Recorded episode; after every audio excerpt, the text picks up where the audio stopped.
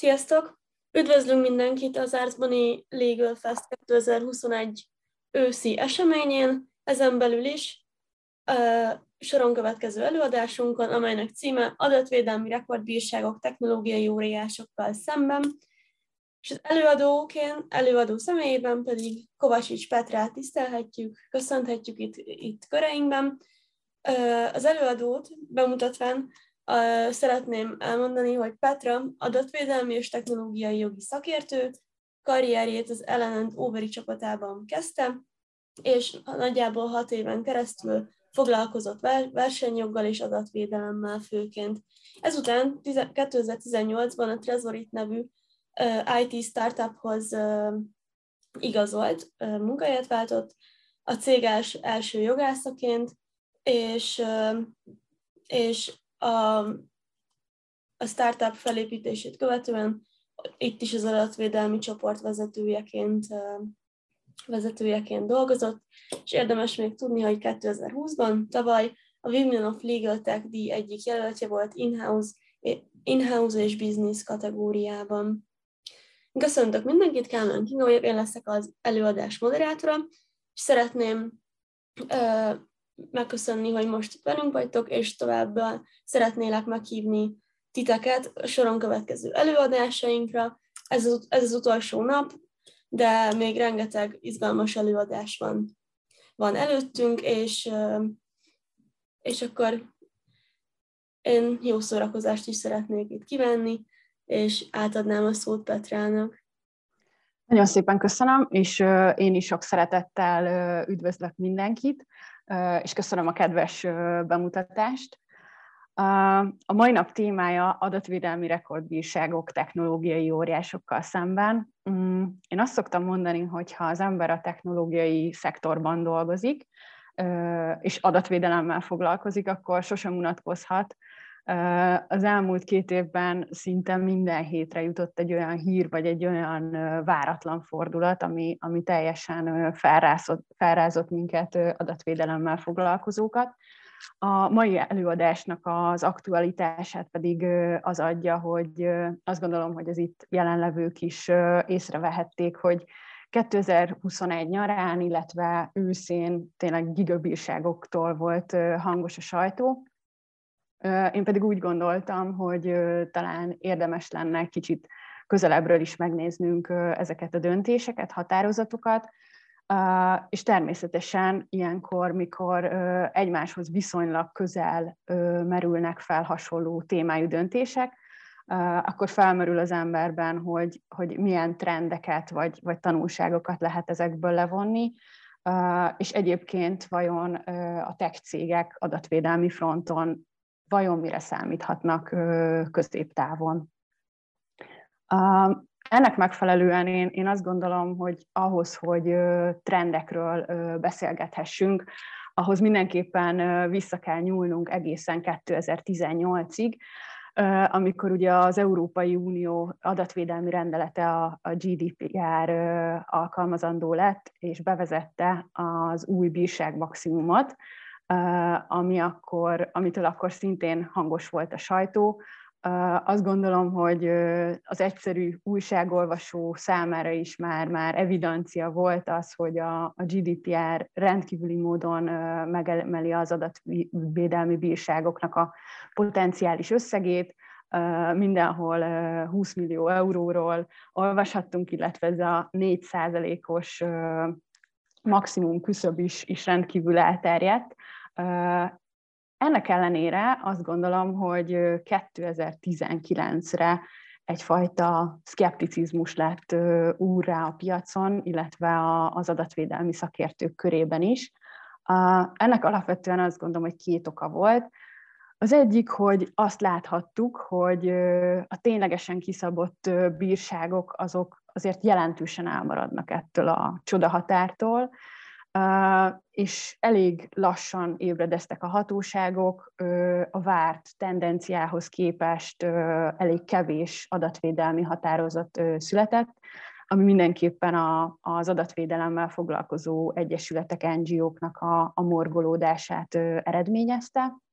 Illetve a másik oka a morgolódásnak, vagy a szkepticizmusnak az volt, hogy talán nem is titkolt módon a, a GDPR megszövegezésénél többször kiemelték azt a jogalkotók, hogy a, az úgynevezett GAFAM, azaz Google, Amazon, Facebook, Apple, illetve Microsoft a cégek elterjedt adatkezelési gyakorlatával kívánnak valamilyen módon szembeszállni, de az első években mégis azt láthattuk, hogy, hogy nem igazán volt példa arra, hogy, hogy valamelyik kiemelkedő tech óriással szemben jelentősebb határozatok születtek volna az EU-ban.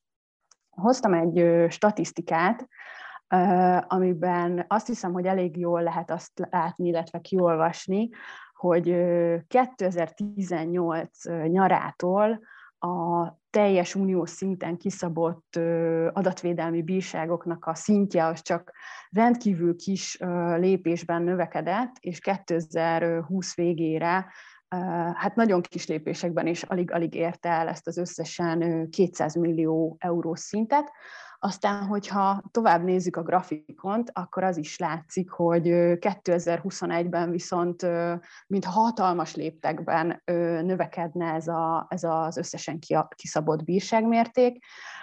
És a következő dián azt is lehet látni, hogy nem csak a, a bírság mérték tekintetében láthatunk egy nagy változást, hanem a top 5 GDPR bírságot vagy GDPR határozatot emeltem ki. Az első három helyre rögtön beugrott az Amazon, a WhatsApp, illetve a Google, és csak a negyedik, illetve ötödik helyen látunk olyan vállalkozásokat, amik nem a big tech szektorba sorolhatóak. Ugye itt van az H&M, ami, ami a retail szektorban működik, illetve az ötödik helyen megtalálunk egy olasz telkó szolgáltatót.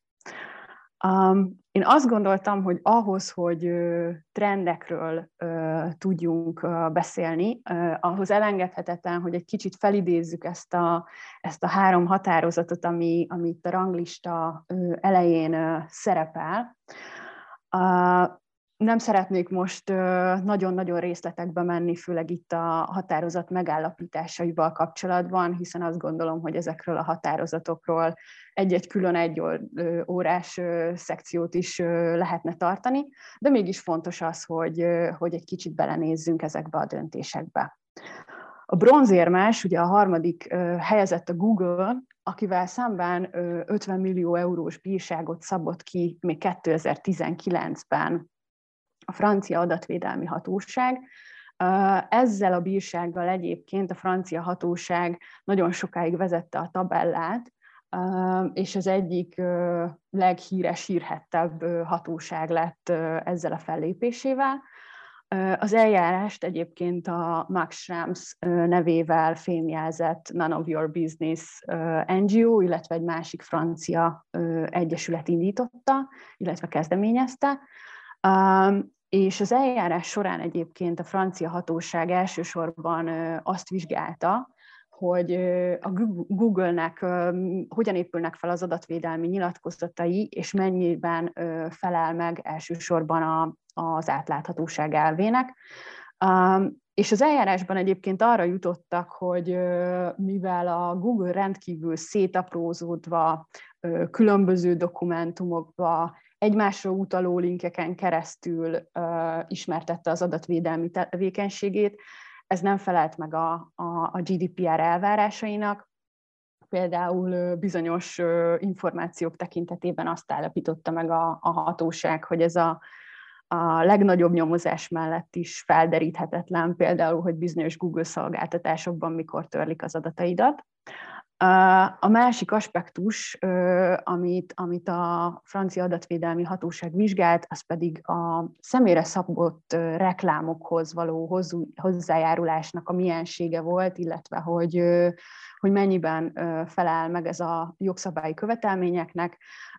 Itt arra következtetésre jutott, hogy az ilyen típusú adatkezelésnek tulajdonképpen nem volt érvényes jogalapja.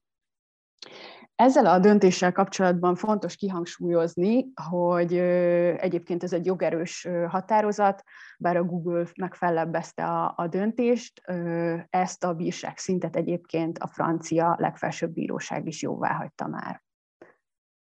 Lépjünk is tovább a második ezüstérmes befutóhoz, aki nem más, mint a WhatsApp, egy meglehetősen friss döntésnek az eredményeként. Ez a döntés ez év szeptemberében született, és a 225 millió eurós bírság mellett, amit a szakmában kiszoktak emelni a döntésről, mint egy nagyon fontos aspektusa a döntésnek az az, hogy itt egyébként az ír adatvédelmi hatóság járt el, azonban egy határon átnyúló eljárásról van szó, és a, bár az írhatóság letett egy döntéstervezetet, olyan vita alakult ki az Európai Uniós adatvédelmi hatóságok között, hogy végül ezt a vitát az Európai Adatvédelmi Testületnek kellett eldöntenie, a másik érdekesség pedig az, hogy míg az ír hatóság eredetileg egyébként egy szintén 50 millió euró, euró körüli bírságot tartott volna indokoltnak, a határozatból azt tűnik ki, hogy ezt a bírság mértéket az adatvédelmi testület jelentősen felülbírálta, és jelentősen módosította a bírság összegének kiszámítási módszerét is. De hogy miről volt szó végül is itt a WhatsApp döntésben, a hatóságok itt is az átláthatósági követelmények megsértését állapították meg. A WhatsApp esetében ezt nem csak a WhatsApp felhasználókkal, hanem a nem felhasználókkal szemben is, hogy kell ezt érteni. A WhatsApp nem azt állapította meg az írhatóság, hogy a WhatsApp nem csak a saját felhasználóinak az adatait gyűjti, hanem a felhasználóknak a kontaktlistája által olyan ö, személyeknek a, a telefonszámához is ö, hozzájut, akik egyébként nem felhasználói, és akiknek egyébként nincsen módja arra, hogy megismerjék az adatvédelmi tájékoztatóját.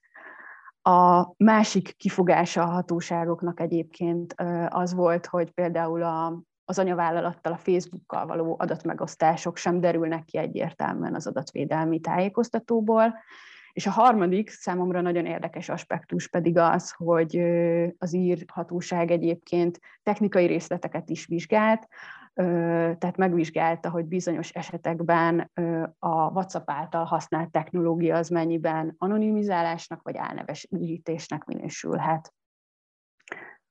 A gigabírság természetesen fellebbezés alatt áll, a WhatsApp nem értett egyet sem a döntésben foglaltakkal, sem a bírság mértékével, úgyhogy itt még várjuk, hogy mi lesz a, mi lesz a jogerős döntésnek az eredménye. Végül, de nem utolsó sorban pedig az aranyérmás Amazon döntés, aminek azt gondolom, hogy két érdekessége van. Az egyik az az, hogy a döntést a luxemburgi hatóság hozta meg, és éppen a luxemburgi hatóság az, akit egyébként rendkívül sokat kritizáltak az elmúlt években, hiszen a luxemburgi hatóságot szinte teljesen passzív hatóságként tartották nyilván. Tulajdonképpen azt mondhatjuk, hogy 2021-ben kezdte meghozni az első döntéseit, és rögtön a nyáron egy, egy nagyon-nagyon jelentős több mint 740 millió eurós bírságot hozott, vagy ahogy egyébként a lapok jobban szeretik idézni, 888 millió dolláros bírságot szabott ki az Amazonnal szemben. A másik nagy érdekessége ennek a döntésnek, hogy sajnos a határozat tartalma nem nyilvános. Magáról, a bírságról is egyébként az Amazonnak az amerikai tőzsdefelügyelet felé leadott nyilvános jelentéséből tudunk. És jó pár napig az is homályos volt, hogy egyébként miről szól egyáltalán ez a határozat, vagy mi a témája ennek a határozatnak. Amit biztosan lehet tudni, hogy nem adatvédelmi incidens történt, tehát nem ezzel kapcsolatos a bírság, és úgy tűnik, hogy egyébként ezt az eljárást is a, a Google bírsággal kapcsolatban említett francia NGO-nak a kezdeményezésére hozta meg a luxemburgi hatóság. Ők tettek egy olyan nyilatkozatot, amiből arra következtethetünk, hogy valószínűleg a határozat, illetve az ott megállapított jogsértés az az Amazon személyre szabott reklámjaival, illetve azoknak a jogalapjával kapcsolatos. Mm, aztán később az Amazon bejelentette, hogy, hogy megtámadja a döntést, és, és ebből az olvasható ki, hogy, hogy ez a feltételezés nagy valószínűséggel igaz. Ők azt nyilatkozták, hogy álláspontjuk szerint a luxemburgi hatóságnak a személyre szabott reklámokkal kapcsolatos álláspontja rendkívül szubjektív értelmezésen alapul, és természetesen aránytalannak gondolják a, a bírságot. Mindezekkel a rövid összefoglalókkal nézzük, mik azok a trendek, illetve tanulságok, amiket álláspontom szerint már most levonhatunk ezekből a határozatokból.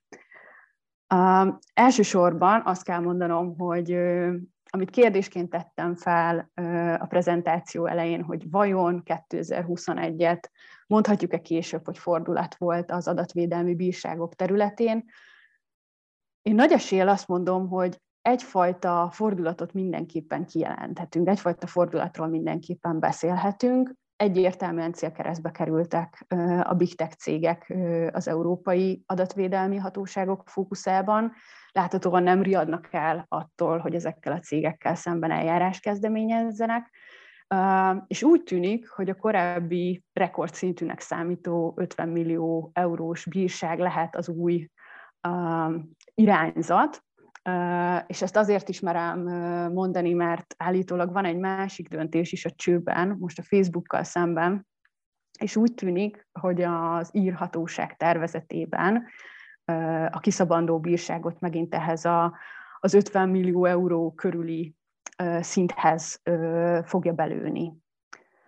A másik fontos tanulság vagy trend úgy gondolom az, hogy az előbb ismertetett mindhárom határozat Elsősorban az adatvédelmi nyilatkozatoknak a jogkezelés jogalapjának a témakörét járta körül,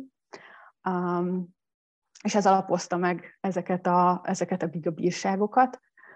A harmadik nagyon fontos aspektus pedig véleményem szerint az, hogy az a tendencia látható, hogy a hatóságok egyre közelebbről vizsgálják a technológiai cégek által alkalmazott adatkezelési gyakorlatot és az új technológiákat.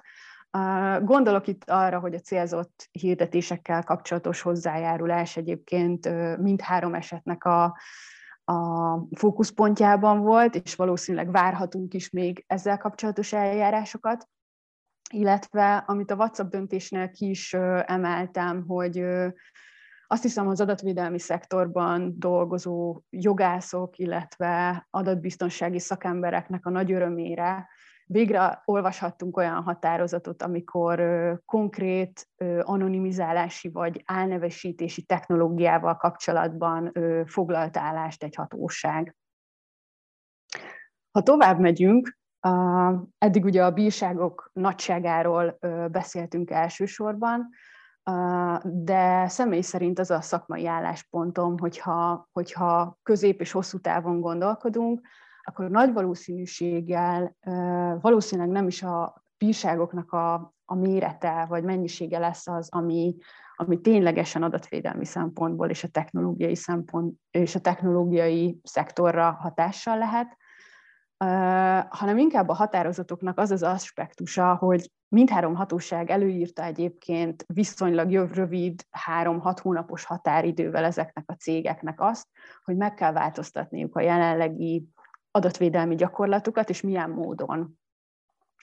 Mivel itt rendkívül jelentős, hatalmas felhasználói bázusú cégekről van szó, azt gondolom, hogy nem nagyon elrugaszkodott álláspont azt gondolni, hogy valószínűleg az új gyakorlatok az egész szektorra nagy hatással lesznek az elkövetkezendő években. Ha konkrét példát kellene hoznom, akkor szerintem elég arra gondolnunk, hogy mondjuk a, nem tudom mennyire emlékeznek a jelenlevők, hogy a Google-nek mondjuk a, a cookie konszentje hogyan nézett ki körülbelül két-három évvel ezelőtt, vagy két évvel ezelőtt, és hogyan néz ki napjainkban és bár hosszú kattintást igényel, de van lehetőség arra, hogy hogyha valaki szeretne, akkor ne járuljon hozzá bizonyos típusú adatkezelésekhez. Hogyha pedig ö, nem csak a technológiai cégeket nézzük, hanem az egész ö, szektort, illetve a, a, az adatvédelmi, adatvédelemmel foglalkozókat nézzük, akkor azt gondolom, hogy az is egy fontos tanulság ezekből a határozatokból, hogy érdemes figyelemmel lennünk az NGO-k által benyújtott panaszokra. Láttuk mindhárom eljárást egy-egy adatvédelemmel foglalkozó NGO képviselte, több eljárásban tízezer fölötti felhasználót képviselve. Azt láthatjuk, hogy ezek az NGO-k egyrészt rendkívül nagy erőt és felhasználói bázist képviselnek, másrészt pedig az eljárások eredményességéből az is kiderül szerintem, hogy ezek az NGO-k rendkívül felkészültek, tehát abszolút megvan náluk az a típusú szakértelem, ami segíthet abban, hogy ezek a, ezek a típusú adatkezelések megfelelően kivizsgálásra kerüljenek. És végül, de nem utolsó sorban, amit említettem, mm, főleg a, a WhatsApp döntés, azt gondolom, jól mutatja azt, hogy milyen is az adatvédelmi testületnek a, a, a szerepe, és hogy, és hogy milyen nagy szerepe lehet abban, hogy a bírság szintjének kialakításában ő is részt vegyen. Főleg a WhatsApp döntésben azt gondolom, hogy olyan bírság kiszabási szempontok szerepelnek, ami nagyon nagy valószínűséggel egyfajta guideline-ként is fog szolgálni a többi hatóság részére. És hát amellett, hogy most beszéltem mm, trendekről, tanulságokról, természetesen nagyon-nagyon sok a nyitott kérdés. Ezekből szeretnék párat megosztani. Az egyik az az, ami a szakirodalomban újra és újra felmerül most ezekkel a döntésekkel kapcsolatban, hogy vajon hogyan fog alakulni például a luxemburgi hatóságnak a szerepe. Mm, nagyon érdekes az egyik NGO a, a, az Amazonnal szemben kiszapott döntést úgy kommentálta, hogy lám-lám, eddig a francia hatóság volt a legszigorúbb Európában, mm, most példát vehet a luxemburgi hatóságról. Én azt gondolom, hogy nagyon érdekes, hogy, hogy hogyan változott meg a luxemburgi hatóságnak a megítélése viszonylag rövid időn belül. Kérdés, hogy vajon ezt a trendet fogja folytatni, vagy inkább a korábbit, és most megint évekig nem fogunk róla hallani. A másik ö, dolog, amit mindenképpen fej, fejben kell tartanunk, ö, és, és csak a jövő zenéje lehet, ö, az az, hogy vajon ezeket a gigabírságokat az eljáró bíróságok, ö, akik előtt ugye megtámadták a határozatokat, mennyiben fogják jóvá hagyni. Ö, látunk ugye olyan példát, például a Google bírság esetében, ahol a francia bíróság jóvá hagyta egy az egyben a a bírság szintjét, míg az elmúlt években találkoztunk olyan határozatokkal is, például okáért ugye az angol ICO által kiszabott Mariot bírság esetében, hogy a bíróság egyébként közel 80%-kal mérsékelte a bírságot. Egyébként a német hatóságnak is voltak már nagyon magas bírságai, amit utána elkaszáltak a német hatóságok. Úgyhogy azt gondolom, hogy még várnunk kell ahhoz, hogy, hogy tényleges tendenciát vonjunk le ezekből a határozatokból. És végül, de nem utolsó sorban, hatalmas kérdés az, hogy vajon ezeknek a bírságoknak milyen hatása lesz az EU-n kívül. A GDPR hatályba lépését követően azt a globális trendet érzékeljük, hogy más államokban is az adatvédelmi jogszabályok megalkotása során egyre inkább a GDPR szolgál egyfajta benchmarkként. A kérdés ez az, hogy vajon az ottani jogalkalmazó is bátrabb lesz-e, felbátorodva az EU-s hatóságok határozatain, illetve a jogalkotók meg fogják-e emelni ezekben az országokban is a maximálisan kiszabható bírságnak a, a szintjét. úgyhogy azt gondolom, hogy ez is egy nagyon-nagyon érdekes és várhatóan jövőbeli tendencia, amit, amit majd érdemes figyelnünk. Én ezekkel a kérdésekkel zárnám a, a mai előadást, illetve mindenkit meginvitálnék arra, hogy, hogy bátran tegye fel a kérdéseit, mm, és, és, és beszélgessünk erről. Akkor visszatérek így képpel és hanggal. Az első kérdésünk meg is érkezett a chatbe. Kincső kérdezi, Magyarországi példát tudna esetleg mondani ilyen class actionhez hasonló típusú adatvédelmi igényérvényesítésre, mint amit az említett NGO-k tettek a Google vagy az Amazonnal szemben? Én őszintén szólva hasonló mértékű mm, fellépésről nem tudok.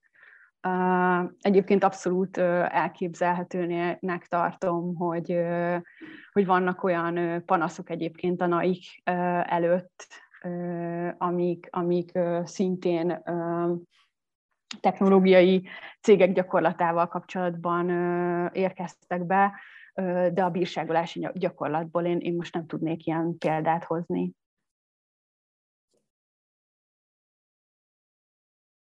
Rendben, köszönjük szépen a választ, és amíg a hallgatók még gondolkoznak további kérdéseken, én szeretnék egyet kérdezni, hogy engem mindig is érdekelt, hogy mi a kapcsolata az adatvédelemnek a versenyjoggal. Szóval, hogy főleg például az ilyen tech óriások esetében, épp tegnap jött ki azt hiszem az EUB döntése, hogy a Google, Google-t jogsértőnek találta versenyjogi szempontból, hogy a saját leányvállalatait helyezte előtérbe ilyen internetes volt ö, szolgáltatásokkal szemben, hogy a két területnek mi a kapcsolata, hol találkozik, vagy éppen hol válik el a kettő. Én ezt szeretném kérdezni. Köszönöm. Ö, azt gondolom, hogy ez egy ö, nagyon is aktuális ö, kérdés, ahogy, ahogy ö, mondtad is, és, és abszolút azt lehet látni, hogy versenyjogi fronton is ö, abszolút fókuszba kerültek a, a cégek. Uh, én én adatvédelmi jogászként és versenyjogászként azonban azt mondanám, hogy ezt a két területet nem szabad összekevernünk. Mind a kettő területnek megvannak a maga eszközei, illetve a maga céljai, és egyébként alkalmasak arra, hogy egymást támogassák, azonban én mégis inkább most, most arra fókuszálnék, ami elválasztja ezt a két területet. A, a, a versenyjog az ugye elsősorban nem adatokkal foglalkozik, hanem piaci magatartással. Én azt mondom, hogy az elkerülhetetlen, hogy, hogy ezen cégeknek a piaci magatartásában egy, egy fontos kérdés legyen az, hogy egyébként milyen adatok vannak a, a birtokukban, hiszen ez a fajta adatvagyon, ez rendkívüli módon, mint látjuk, befolyásolja a piaci magatartásukat. Uh, ugyanakkor az adatvédelem elsősorban az érintetteket védi, uh, tehát az érintettek jogait, um, és, és uh, abban is biztos vagyok, hogy egyébként a két jogterület, illetve a kétféle típusú eljárások nagyon sok olyan információval szolgálhatnak egymás számára, um, amik akár majd későbbi eljárásokhoz okot adhatnak a másik területen, de azt gondolom, hogy, a, hogy az eszköztáruk meg a céljuk alapvetően teljesen más és különbözik egymástól.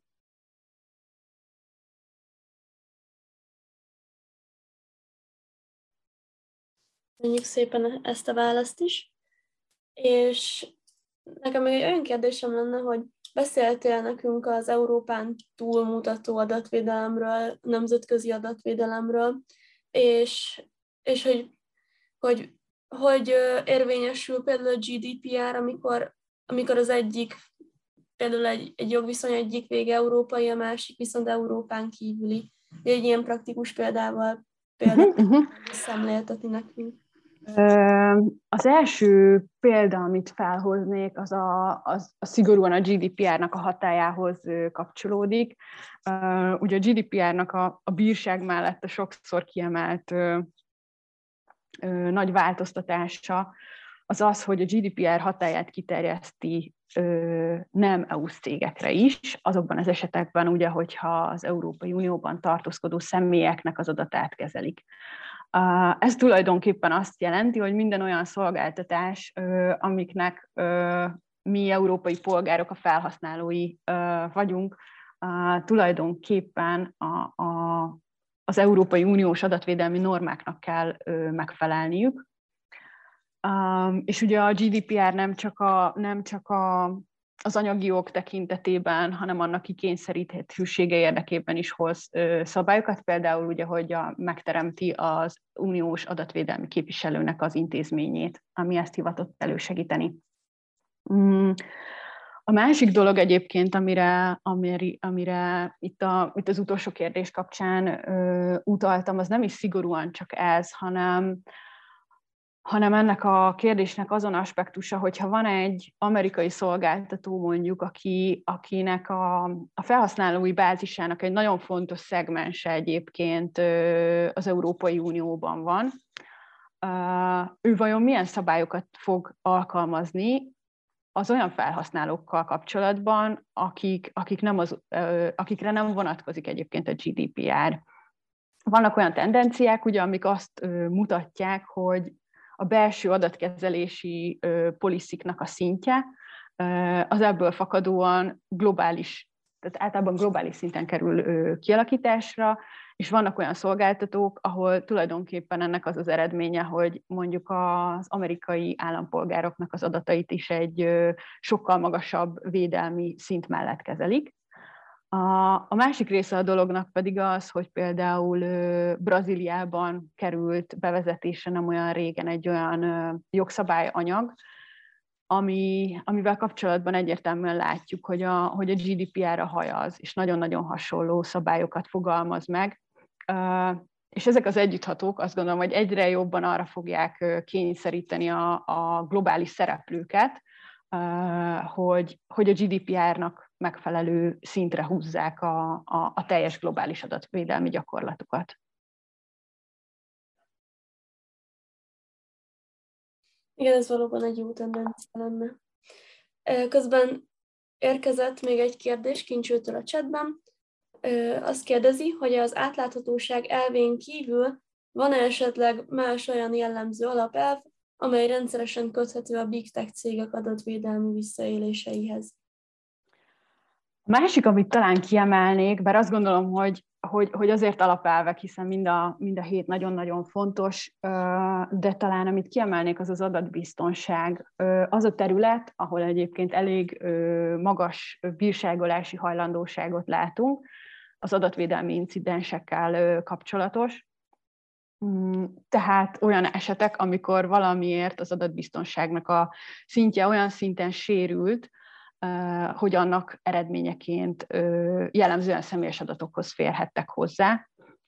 Úgyhogy, úgyhogy talán ezt, ezt emelném ki már csak a szektorból fakadóan is, hiszen egyrészt hatalmas mennyiségű adatot kezelnek, másrészt pedig a technológia rendkívül fontos az ő adatkezelésükkel összefüggésben. Nyilvánvalóan itt nem olyan típusú adatkezelésekről van szó, amikor a kinyomtatott bérjegyzékeket egy-egy elzárt ö, szekrényben ö, kezeljük, hanem, hanem ebből fakadóan sokkal jobban kitettek ezek az adatok, illetve sokkal fontosabb az adatbiztonsága ezekben az esetekben.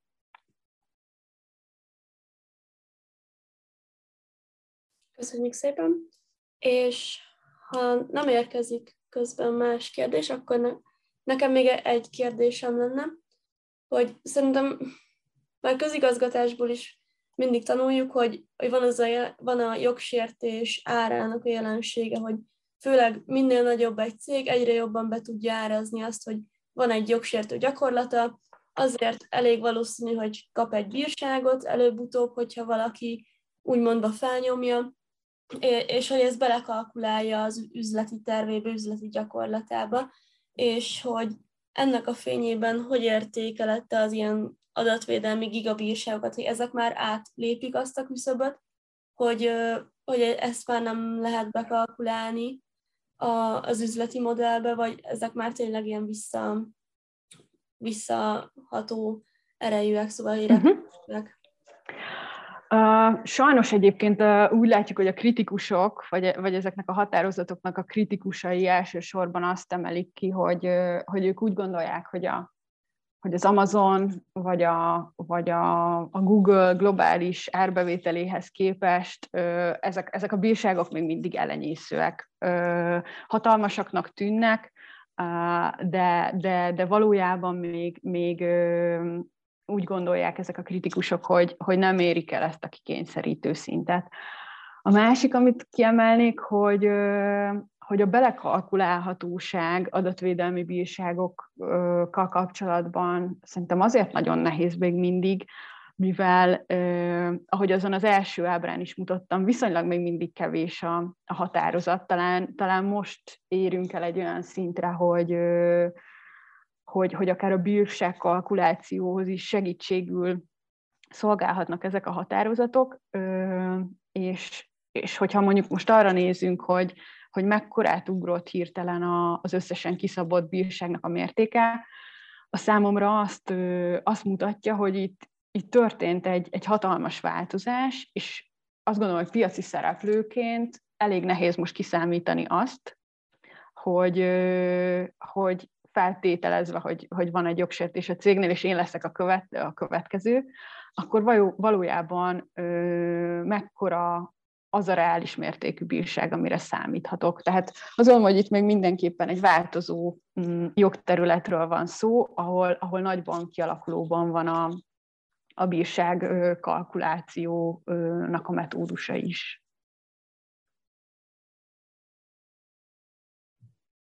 Reméljük akkor így nem is válik majd akkor a gyakorlattá, mint például a versenyjog esetében, vagy ilyesmi. Igen, ez, ez nagyon, nagyon, nagyon érdekes, ö, illetve hát azt gondolom, hogy ahhoz, hogy tényleg kalkuláljanak ezzel a, a cégek, és, és egyáltalán a rizikó listájukra nagyon komolyan felkerüljön a, a GDPR és az adatvédelem, ahhoz még jó sok hasonló jellegű bírságra lesz szükség. Ez szerintem, hogyha nem én nem látok több kérdést, sem a Q&A-ben, sem a chatban. Ez a mondat szerintem egy, egy jó zárása lehet ennek az előadásnak, és uh, szeretnénk megköszönni az egész Árszbani nevében Petrának, hogy, hogy eljött hozzánk, és megtartott ezt a nagyon izgalmas előadást, és a hallgatóknak pedig köszönjük szépen a részvételt, és várunk szeretettel mindenkit minden további Árszbani programra még az utolsó nap folyamán estig. Köszönöm szépen én is, hogy itt lehettem. Köszönjük szépen. Sziasztok! Sziasztok!